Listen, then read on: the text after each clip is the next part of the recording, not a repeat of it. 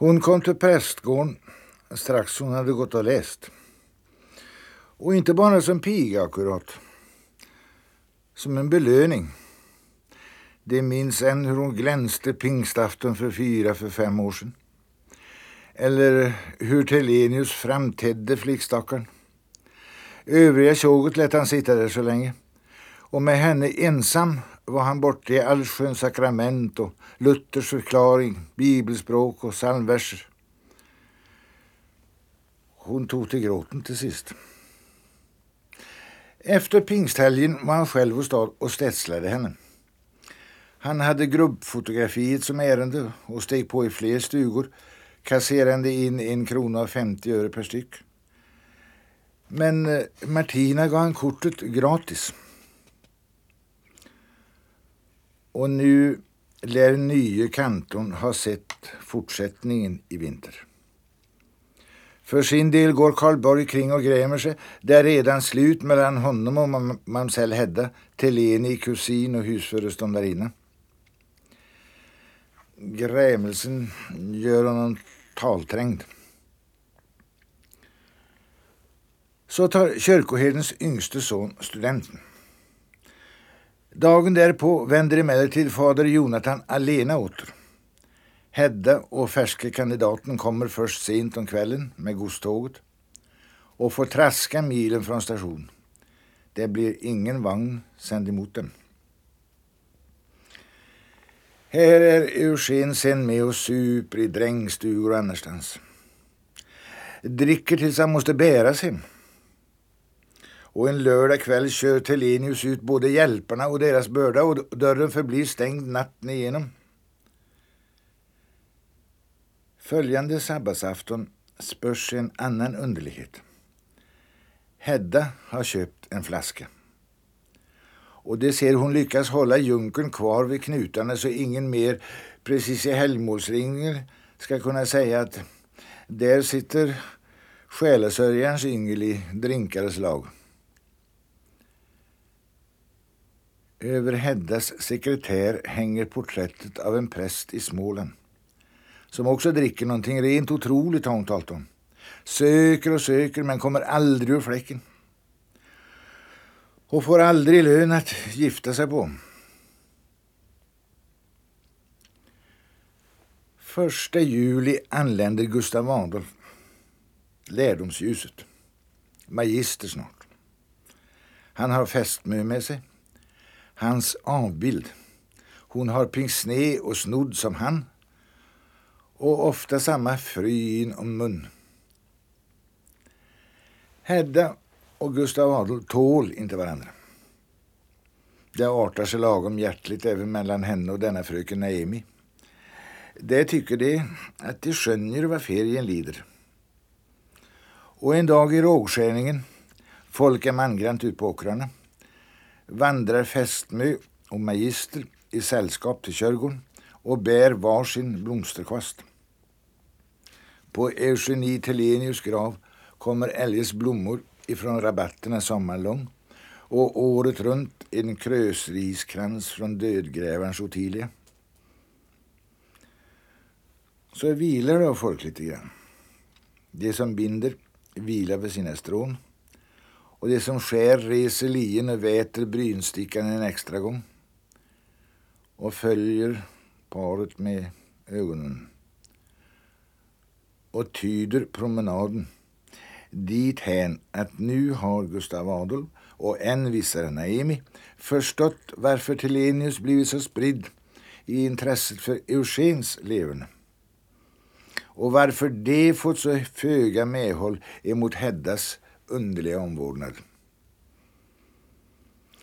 Fast ett slag i begynnelsen av september, när resan åt Uppsala närmar sig, ser det ut som om tolkningen ändå ej stämmer. Eugen berättar att för, för honom blir det antagligen ingen färd av. Han, han ska in på kontor eller slikt och tjäna sig åtminstone maten. Ytterligare en vecka och det talas om en ny bestämmelse. Att han ska gå hemma tills vidare. Kanske resa nästa termin. Sen ändras det igen. Han reser när festfolket reser. Och dessa två ska vaka över honom, blir det sagt, och, och i synnerhet sköta inackorderingspengarna. Och till jul, när de far till hennes arvtanter och ringförlovar sig, då ska de först lösa hans biljett och sätta honom på tåget hit hem.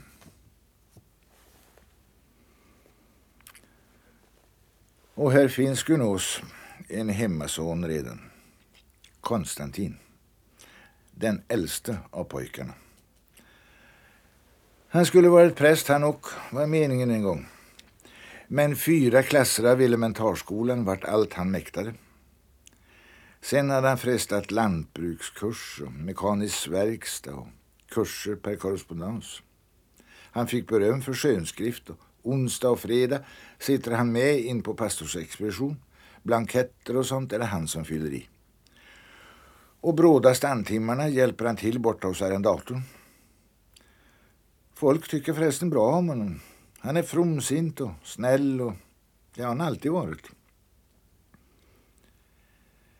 Men även på honom tittar det liksom lite nogare hösten utöver.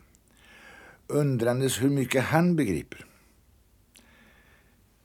Så tittar exempelvis sykretsen hos Hedda. Efter en psalm Davids och en ur psalmboken och sen kyrkoherden gått sin väg efter vanligheten. Och nu flyttar det fram kring lampan, kring evinnerliga törneslingan runt om Pilat i bokstäver. Hän i dunklet kvar dröjer Konstantin. Han plägar läsa högt för dem. I väntan därpå vaggar han sig stillsamt av och an på pianostolen. Gå upp till dig ett slag, säger Hedda. Och kom ner när det, när det blir te. De tittar på den breda ryggen, bred som en dörr. Han är fullvuxen man, hennes blir han 25 år. Hedda talar bara om Eugen. Och inget skurlov får han denna termin, säger hon. Men trots sin längtan och trots Naemi och Gustav Adolf är hon glad åt sin halva seger, att hon verkligen fick pilten iväg till Uppsala. Hon tänker för sig själv och nu spetar hon fast nålen i altarduken. Att hon knappt någonting tristare vet än dessa studentmössorna hon ser gulna in i stan. Hon var där idag och såg på dem igen. Såg hur det bromsar för dem alla redan. En av Eugens kamrater sitter nere vid vaktmästarpulpeten i banken. En annan står och blinkar mot sömnen bak disken i bokhandeln. Den tredje köpte hon en ficklampa av i elektriska firman. Svart om naglarna var han och glåmig i ansiktet. Och har inte visst att ingenjör, det, det blir han nog inte på det här sättet. Kantorborg rycker upp sig och bildar en hembygdsförening. Är tillbaka i prästgården.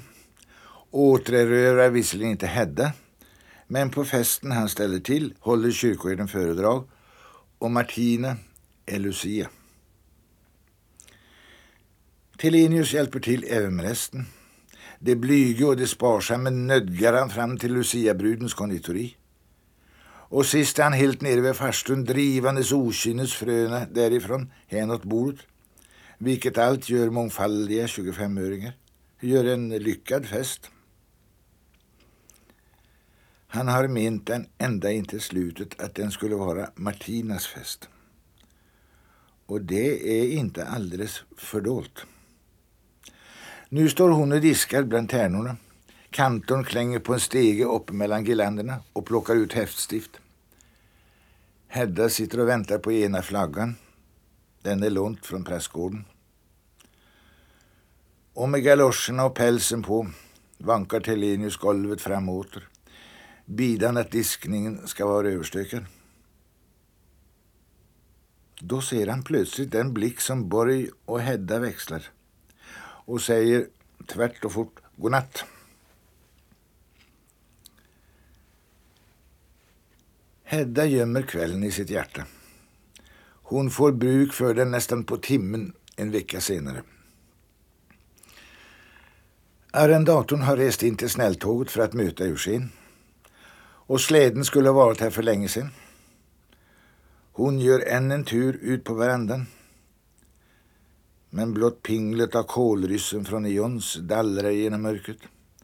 Prästgårdsskjutsen hörs inte till. När hon är inne igen telefonerar Jonathan. Jo, tåget hade hållit rätt tid och arrendatorn hade man sett. Eugen likaså. Och släden eh, står och väntar framför stadshotellet. Där, där har den stått länge. Sen svarar omsider arrendatorn, inte Eugen. Han var inte riktigt nykter när han eh, kom. Ja, ja nu fortsätter han och dricker, ja. Därnäst svarar källarmästaren. Inte många ord innan Telenius ryter. Få honom i släden! Och det är lite fort! Han vevar en lång förbittrad avringning. Minuten efter åtrar han sig. Han ska telefonera igen. Och var så god och behåll honom, ska han säga. Arrendatorn kan köra ensam hem. Hedda lägger handen över luren. Nu är de säkert resta, säger hon. Och mest tänker hon på vad Eugen månne vill ha till mat när han kommer. Han far illa med sig, tänker hon. Och högt undslipper det henne. Stackars pojk. Nej, det ska bli allvar detta, ropar Telinus. Hon får vända igen på halva vägen till köket och sätta sig där hon satt. Det var också en julhälsning. Närmste grannens julhälsning. Hon förstår att just den i ögonblicket retar honom mera än Eugens rus. Och hon kan gott höra för sig hur arrendatorn lät i telefon. Och så urskuldar hon Eugen. Urskuldar honom med det gamla vanliga att detta säkert inte är annat än ungdomlig tanklöshet. Och hon låter Jonathan fnysa åt ursäkten, fnysa sitt lystmäte. Och till hans föraktande knyck med axeln mot hennes smålänning på andra sidan väggen svarar hon ja, bättre nu än framdeles. Sen lägger hon till Kanske tarvas det inte att vi går så långt. Det händer till och med oss. Hon ser hon behöver inte vara stort tydligare. Och blott för en konklusions skull säger hon Ja, ja, vi får ha fördrag med varandra denna julen. Och så stiger hon upp och går sin väg och vet att det ska bli användning för både mat och sängplats åt Eugen.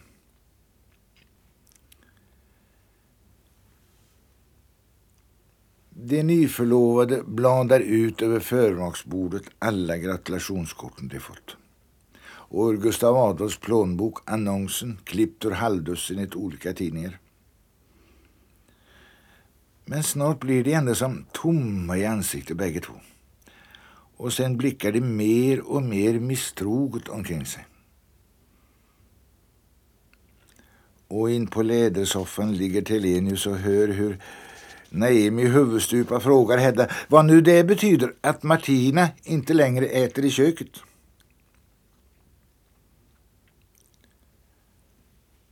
Strax före tolv ska de allesammans mötas nere i matsalen dricka varandra till med det som är kvar av vinbuteljen sen middag. Och när klockan slagit tolv ska de sjunga en psalm och Telenius be en bön. Den handlade alltid om minnet av Eugenie. Det var deras traditionella nyårsfirande. Från klockan nio plägade de emellertid sitta här och knäcka nötter och brygga glögg. Nyårsklädd Kvällen var för så vitt en av de bättre helgkvällarna. Bättre i varje fall än julafton när de så alltför tydligt strävade med att bli som barn igen. Konstantin ensam kostade det inte ett sträv. Och innan de vann sig in i rollen i säng för julottans skull. Nyårskvällen betydde en avspänning. Egentligen var det mest Hedda som gjort en slik. Hon trivs inte i högtidlighet. Men nu försvinner först Eugen. Redan vid eftermiddagskaffet har han sett lite töcknig ut. Tack vare hennes omtänksamma droppar. Han hade tänkt ge sig iväg till en utomhusvaka annars. Han behöver sova, säger hon. Vartill Gustav Adolf och Naomi ler hånfullt och avlägsnar sig i sin tur. I somras var förresten förmaket helt allen, deras när de ville vara alena.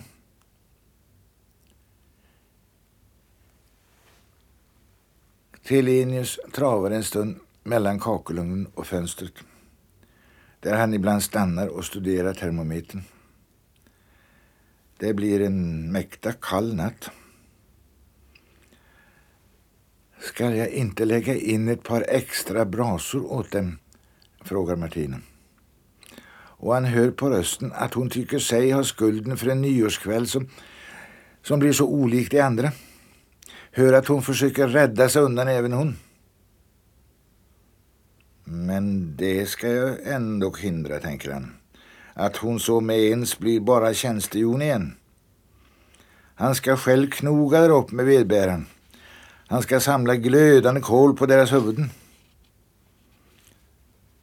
Han har Martinas förskräckta ögon och Konstantins häpna duvmin och Heddas roade plir efter sig när han konkar mot trappan. Och han har lassat i vedbäraren så mycket den tar och det, det är mer än en mansbörda. Åtminstone för den som är ovan. Han får lyfta allt han orkar och ändå dinglar den gensträvigt. Ett slag är han på vippen att ramla omkull när han trampar i nattrocksbanden.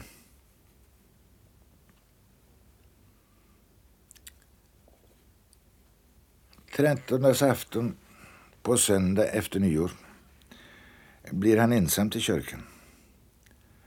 Kunde förresten sluppit från han också om inte för altartjänsten. Predikar gör denne resepastorn som kantor Borg tingat en tur åt. Du ser trött ut, säger Hedda.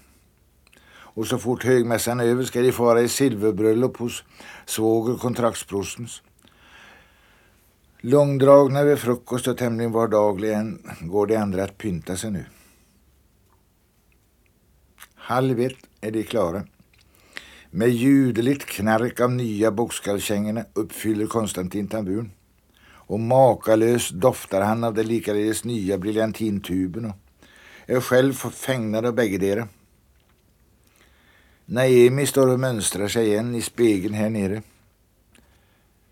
Mönstrar sig utan Gustav Adolfs julklappsboa och bak henne mulnar fästmannen. Om boan har de redan trätt en gång.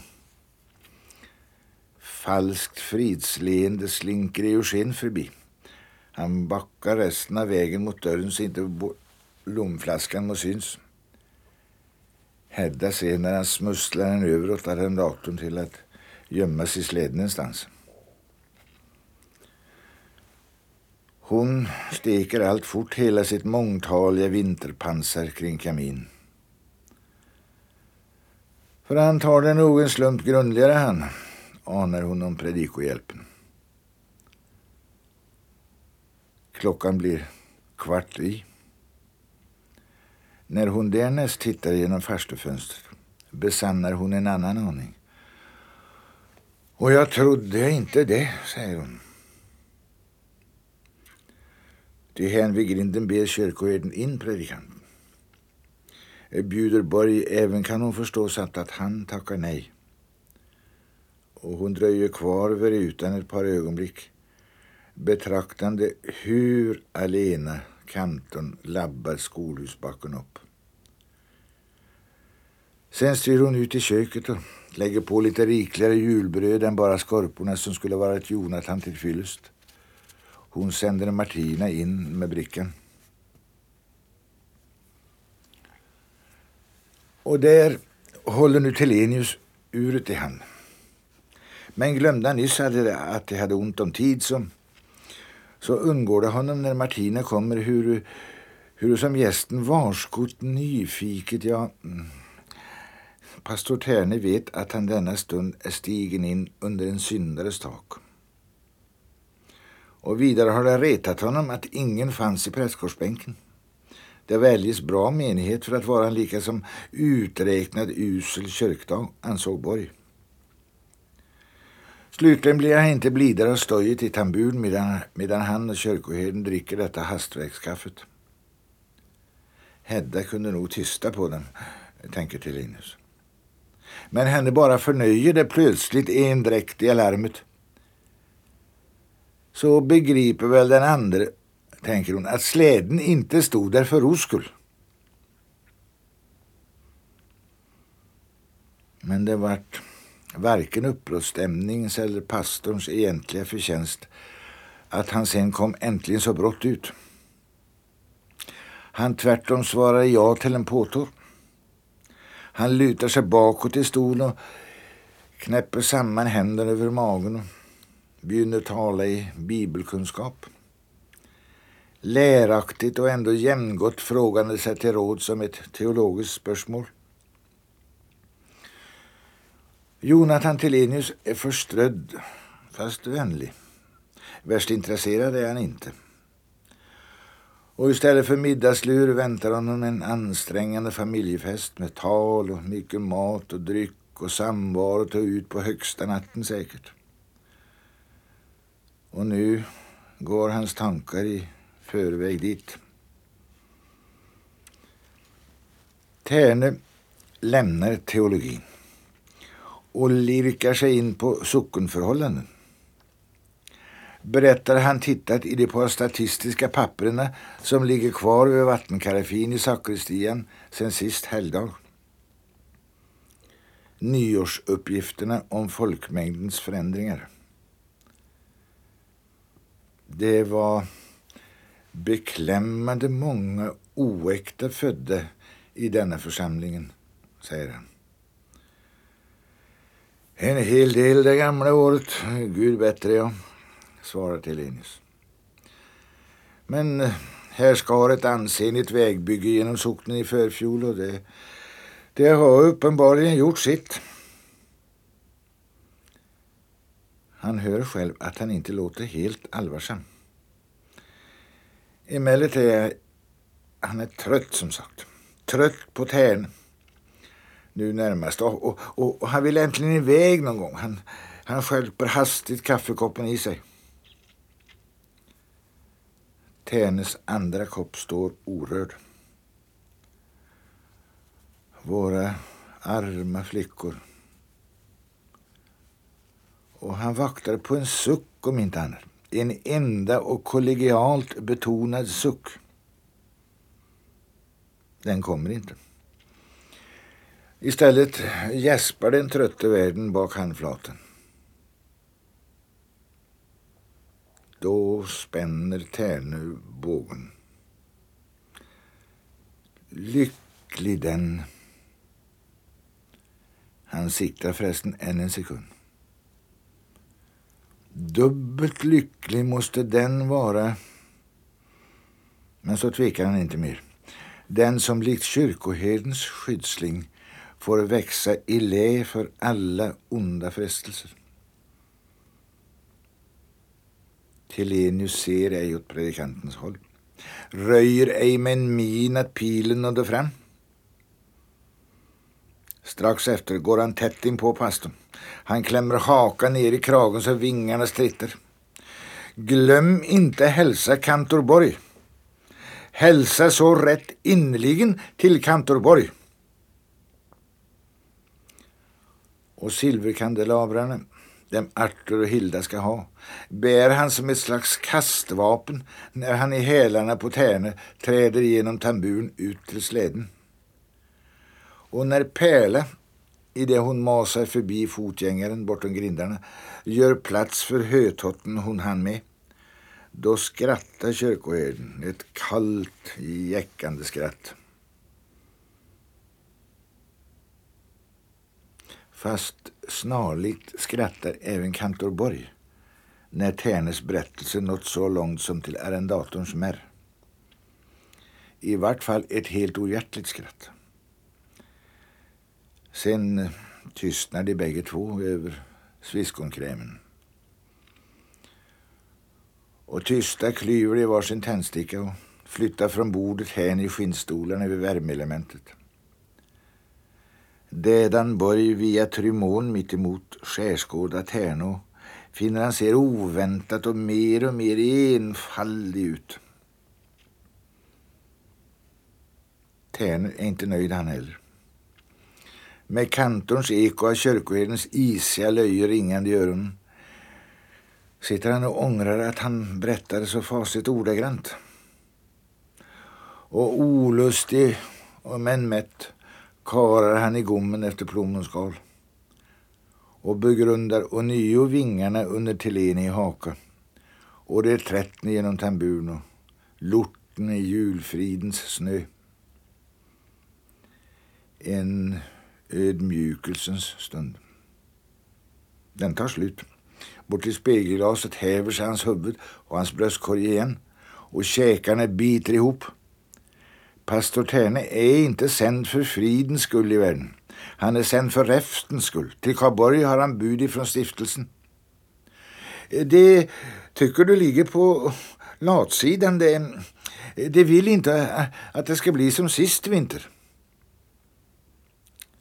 Och mellan åter strama läppar sitter stickan likt en gadd. Det är kantor Borgs tur att krympa i, i stolen. La du märke till Eugen? frågar han när ett par minuter svunnit.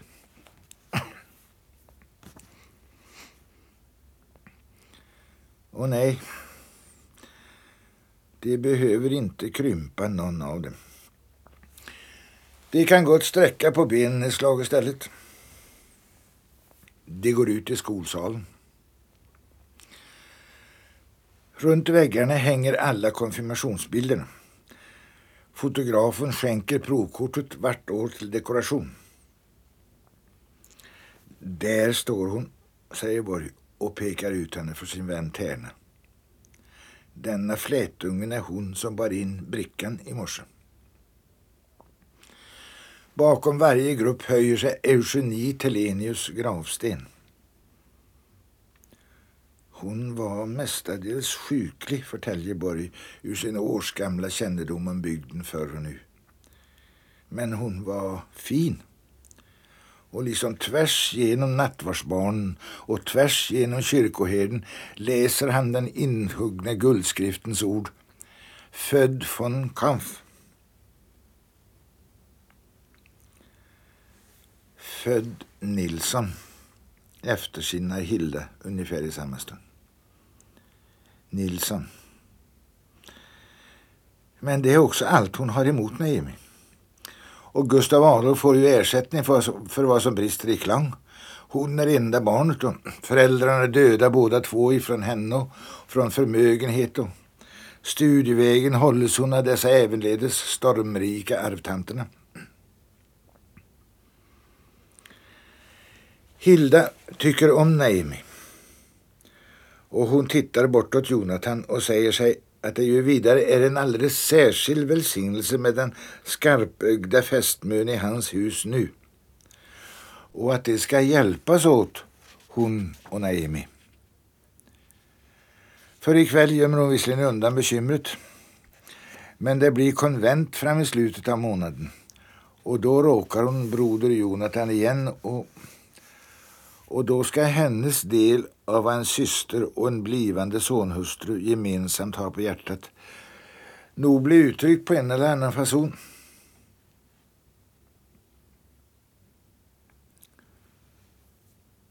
På Solskenssångarens konsert om kvällen sitter Martina och ser David i nacken. Det blir i följe hem till henne. Än så länge är han som ett slags svensk-amerikan som ska besöka flest möjligt efter, efter de par åren han varit borta. Kanske har han pengar, tänker Martinas mor. Och nu har hon dukat åt dem i kammaren och, och, när de äter går hon här ute i köket hän och känner på silkefodret i Davids rock och, och i hatten. Men så tänker hon, det brådskar inte för henne. Hon, hon har det fint hon, i prästgården. Och i takt med kaffekvarnens surr ledsagar om folksprat ett litet stycke på väg. En av tankarna vandrar förresten till slut omkring i kyrkoherdens stora vita hus. Där alltså Martina en gång... Ja, lika märkliga ting har varit sedda för, tänker hon. När det var tas in så tar jag min, men, men David har blivit utan. Han har gått här och frusit av ensamhet sedan han kom hem. Martina och han möter ett och annat par. Hon försöker med lämpa få honom beskedlig igen.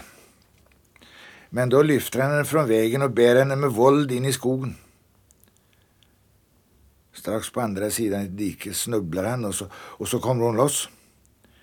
Hon är innanför prästgårdsstaketet framme vid köksdörren när hon hör honom stanna. Hör att han vänder och går sin väg.